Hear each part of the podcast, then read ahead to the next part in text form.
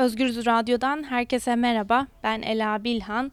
Özgürüz Radyo'da pazartesi gününden beri yeni bir programla sizlerleyiz. Dünya Basında Bugün programında dünya basında yer alan haberleri ve öne çıkan başlıkları sizlere aktarıyoruz. Cumhurbaşkanı Recep Tayyip Erdoğan'ın pazartesi günü Brüksel'de AB yetkilileriyle yaptığı görüşmede yaşanan krizin yankıları sürüyor. Deutsche Welle konuya dair Alman siyasiler Erdoğan'ın Brüksel ziyaretini nasıl yorumladı? Başlığıyla bir haber derlemiş. Haber turumuza bu haberle başlıyoruz.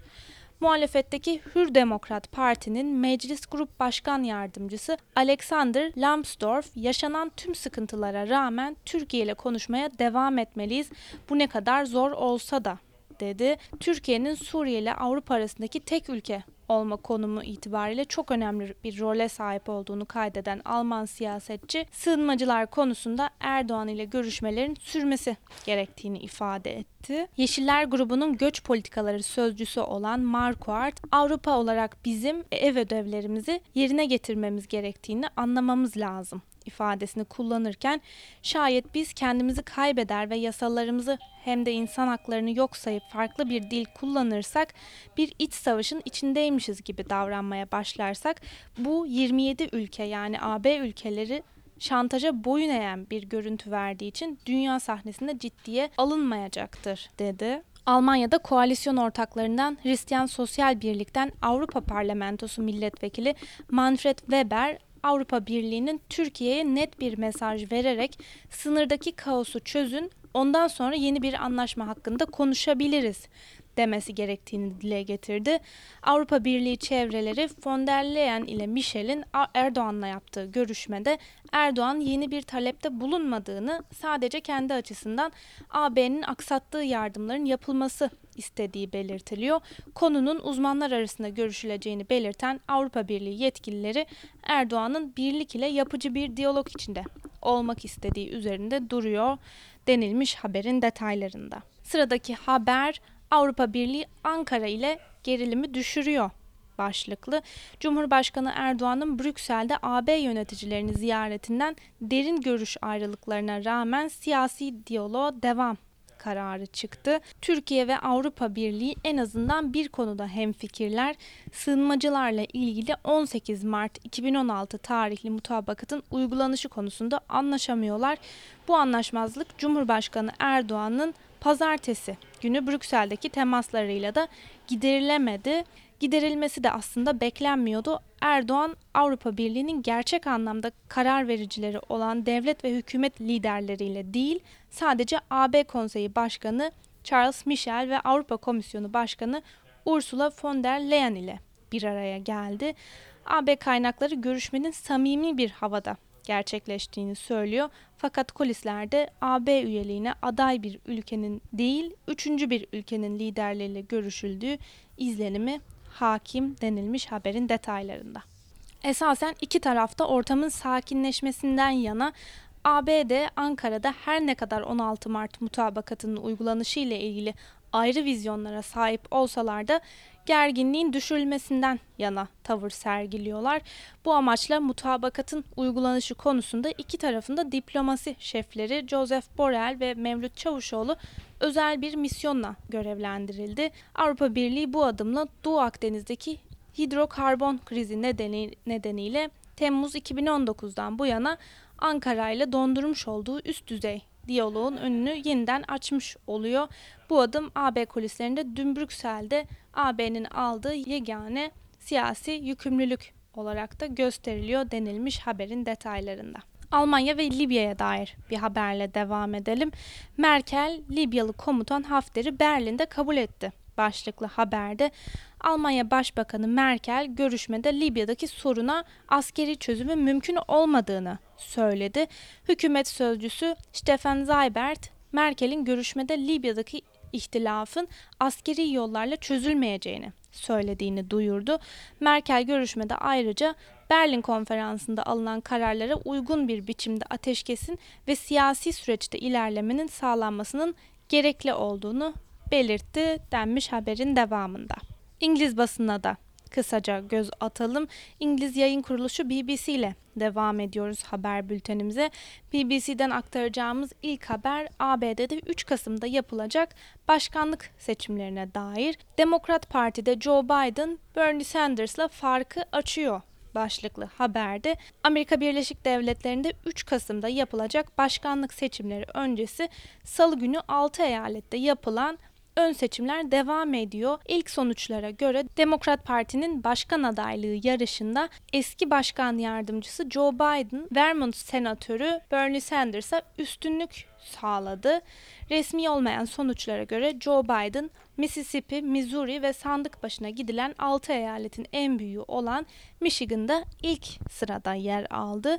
Biden ilk sonuçların belli olmasının ardından Sanders'ı övdü ve birlikte Donald Trump'ı yeneceklerini söyledi. Sanders'tan ise henüz bir açıklama gelmedi.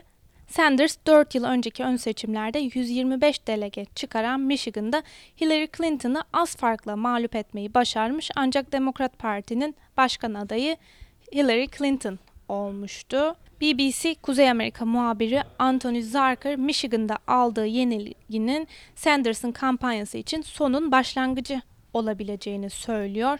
77 yaşındaki Biden 3 Mart'ta 14 eyalette yapılan süper salı olarak adlandırılan ön seçimlerde 78 yaşındaki Bernie Sanders'a üstünlük sağlamış ve delege sayısında ilk kez rakibinin önüne geçmişti denilmiş haberin detaylarında. Aynı konuyu gündemine taşıyan Amerikan basınından New York Times'dan bir haberi de sizlere aktaralım. Joe Biden 3 eyalette kazanarak kazanarak kontrolü eline aldı başlıklı haberde Kasım ayında yapılacak seçimlerde yeni ABD başkanı olmak için Donald Trump'ın karşısına çıkacak adayı belirleyecek ön seçimlerde Joe Biden rakibi Bernie Sanders karşısında makası açmaya başladı. Eski başkan yardımcısı 1991 delegeye ulaşan aday adayının Demokrat Parti'nin başkan adayı, adayı olacağı ön seçimlerde 23 eyalet ve çeşitli bölgeler henüz sandığa gitmedi denilmiş. İngiliz yayın kuruluşu Independent gündemini büyük oranda koronavirüse ayırmış. Kısaca o haberlere de göz atalım. Birleşik Krallık Sağlık Bakan Yardımcısı Nadine Dorries koronavirüse yakalandı.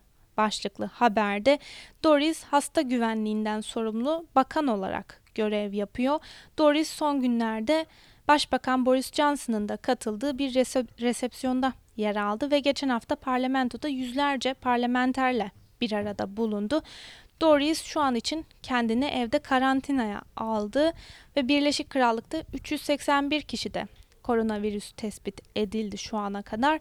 Ülkede virüs sonucu ise 6 kişi hayatını kaybetti denilmiş haberin devamında.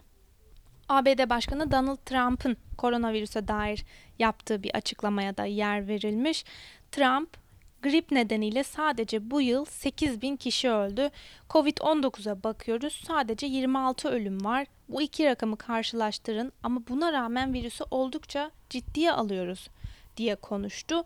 Bu habere rağmen Vanity Fair'e konuşan kaynaklara dayandırılan bir haberde Trump'ın virüsün kendisine bulaşması ihtimali karşısında gizli gizli dehşete kapıldığı söyleniyor.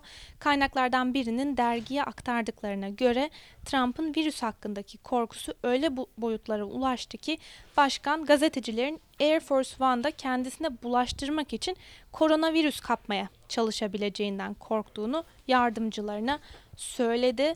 Yönetime yakın olduğu söylenen kaynak bu konuda dizlerinin bağı kesinlikle çözülmüş durumda dedi.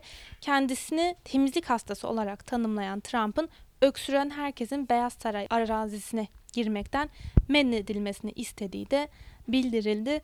İddialar hakkında yorum yapması için Beyaz Saray'la iletişime geçildi fakat henüz yanıt alınamadı denilmiş haberin detaylarında. İngiltere'nin önde gelen gazetelerinden The Guardian'da gündemine koronavirüsü taşımış. ABD'de koronavirüs vaka sayısı bine ulaştı ve ülkede paniğe yol açtı. Demokrat başkan adayları kampanya mitinglerini iptal etti ve iki devlet daha acil durum ilan etti. Küresel vaka sayısı ise 120 bine yaklaştı denilmiş haberin devamında. Suudi haber kanalı Al Arabiya ile devam ediyoruz. Suudi Arabistan'da koronavirüs vaka sayısı 21'e yükseldi başlığıyla öne çıkmış Al Arabiya. Suudi Arabistan ülkede bulunan Mısırlı bir vatandaşa vatandaşta koronavirüs görüldüğünü doğruladı. Böylece Suudi Arabistan'daki vaka sayısı 21'e yükseldi. Koronavirüs görülen son kişinin havaalanındaki termal kameralardan anlaşıldığı belirtildi. Koronavirüs görülen Mısırlı'nın Suudi Arabistan'a da ABD üzerinden geldiği belirtildi denilmiş haberin detaylarında. Bültenimize Rus basınıyla devam ediyoruz. Sputnik Haber Ajansı'yla başlayacağız. Rusya, Suudi Arabistan arasında yaşanan ve bütün dünyayı etkileyen petrol krizine dair birkaç haber var. Onları sizlere aktaralım. Bildiğiniz üzere 6 Mart Cuma günü toplanan OPEC Plus yani petrol ihraç eden ülkeler örgütü toplantısında Suudi Arabistan özellikle koronavirüsün etkisiyle daralan talepten etkilenmemek için petrol üretimini azaltma önerisinde bulunmuştu. Ancak Rusya bu öneriyi desteklememişti. Yani ek üretim kesintisi kararında uzlaşılamamıştı. Bunun üzerine Suudi yetkililer petrol üretimini arttırma ve fiyatları da aşağıya çekme e, kararı almıştı. Alınan kararlar dünya petrol fiyatlarının çökmesine yol açtı. Rus Enerji Bakanı Novak ise pazartesi günü yaptığı bir açıklamada piyasanın tepkisinin öngörülür olduğunu açıklamıştı. Bugün Sputnik'te yer alan haberin detaylarına baktığımızda da Rus devlet televizyonu Rusya 24'de konuşan Novak, OPEC üyesi ülkeler ve Rusya toplantısında petrol üretimini ve arzını kısıtlama önerisini reddetmiş olmasının Rusya'nın gelecekte OPEC ve OPEC dışı ülkelerle işbirliği yapmayacağı anlamına gelmediğini ifade etti deniliyor. OPEC Plus katılımcılarının pazardaki durumu değerlendirmek üzere Mayıs ve Haziran'da yeniden toplanmayı planladığına dikkat çeken Novak, geçen yıl bir in- anlaşma imzalandı ve o anlaşma çerçevesinde işbirliğine devam edeceğiz diye konuştu. Üretimi kısıtlamak ya da arttırmak gibi alternatifler dahil olmak üzere Rusya'nın elinde petrol pazarını etkileyecek çeşitli araçlar olduğunu da ifade etti. Novak, Rusya'nın OPEC ve OPEC dışı ülkelerle işbirliğine devam etmeye hazır olduğunun altını çizdi. Kapılar kapanmış değil dedi. Açıklamalarına yer verilmiş. Rus Enerji Bakanı Novak'ın ardından Kremlin sözcüsü Dimitri Peskov'dan da konuya ilişkin bir açıklama geldi. Peskov, Rusya ile Suudi Arabistan'ın petrol üretiminde ek kesinti konusunda uzlaşabileceğini söyledi denilmiş haberin detaylarında. Rusya tarafından gelen açıklamalar bunlardı. Öbür tarafta Suudi Arabistan'dan da konuya ilişkin açıklamalar var. Kısaca onlara da göz atalım.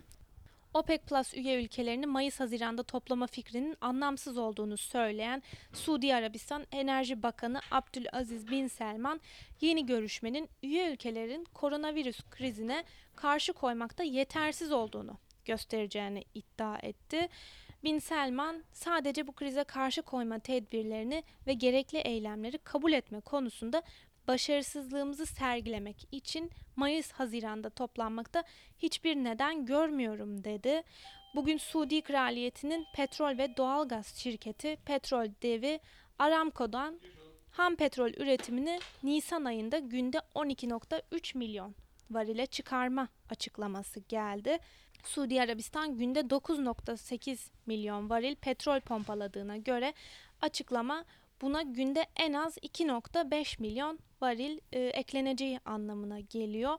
Aramco'nun açıklamasında şirket müşterileriyle 1 Nisan 2020'den itibaren bu hacimlerde arz konusunda anlaştı. Bunun olumlu, uzun vadeli mali etkisinin olmasını bekliyor denildi.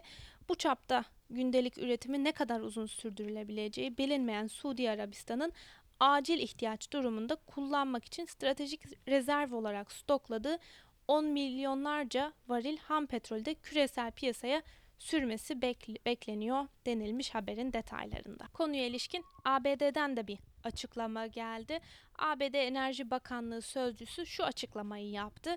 Trump yönetimi geçen haftaki OPEC Plus toplantısının küresel petrol piyasaları üzerine bıraktığı etkiyi çok yakından izliyor. Devlet aktörlerinin petrol piyasasını manipüle ve şok etme girişimleri ABD'nin dünyadaki müttefikler ve ortaklar için güvenilir enerji tedarikçisi olarak rolünün önemini pekiştiriyor. ABD dünyanın en büyük petrol ve gaz tedarikçisi olarak bu oynaklığa karşı koyabilir ve koyacaktır açıklamalarına yer verilmiş. Rusya'da petrol konusunda kriz sürerken içeride de başka bir gündemleri var aslında. Putin'in getirmek istediği anayasa değişikliği parlamentoda onaylandı ve böylece Putin 2036 yılına kadar devlet başkanlığı görevi yapma yolunu açtı diyebiliriz. 2000-2008 yılları arasında iki dönem devlet başkanlığı yapan Putin ardından Dimitri Medvedev'i devlet başkanlığına getirerek başbakanlık görevini üstlenmişti. 2012 yılında tekrar devlet başkanlığı görevine gelen Putin 2018 yılında bir kez daha aynı göreve seçilmişti. Putin'in 6 yıllık 4. görev, görev dönemi aslında 2024 yılında sona eriyor. Parlamentonun alt kanadı Duma'da yapılan oylamada 382 milletvekili yeni düzenlemenin lehinde oy kullanırken 44 milletvekili çekimser oy kullandı. Oylamada hiçbir milletvekili red oyu kullanmadı. Yeni anayasa değişikliği Putin'e böylece bir kez daha devlet başkanlığı görevi yapma yolunu açmış oldu denilmiş haberin detaylarında. Moscow Times'da aynı konuya yer vermiş, hayat boyu başkanlık başlığıyla öne çıkmış. Haberin detaylarında Putin dün Rus parlamentosundaki oylama öncesi yaptığı konuşmada 2024'te ve 2030'da yeniden devlet başkanlığına olmasına izin verecek bir teklife açık olduğunu söyledi. Değişiklik meclisten geçtikten sonra Nisan ayında halk oyuna sunulacak. Ancak halk oylamasının hangi biçimde yapılacağı henüz belirsizliğini koruyor. Rus seçmenler arasındaki da kar karışıklığa neden olabilir. Bağımsız Araştırma Merkezi Levada Center tarafından yayınlanan yakın tarihli bir araştırmaya göre ankete katılanların %25'i anayasa önerilerini destekleyeceklerini söylerken %56'sı değişikliklerin neden olduğu, neden gerekli olduğunu anlamadıklarını söyledi. Levada'ya göre seçmenlerin %44'ü Putin'in 2024'te koltuğunu bırakmasını istiyor. %45'i ise kalması gerektiğine inanıyor denilmiş haberin detaylarında. Sevgili Özgürüz Radyo dinleyicileri, bu haberle birlikte programımızın sonuna geldik. Hafta içi her gün Altan Sancar'ın saat 13'te sunduğu Özgür Haber bülteninden hemen sonra mikrofon başında olacağım. Yarın aynı saatte görüşmek dileğiyle. Şimdilik hoşçakalın.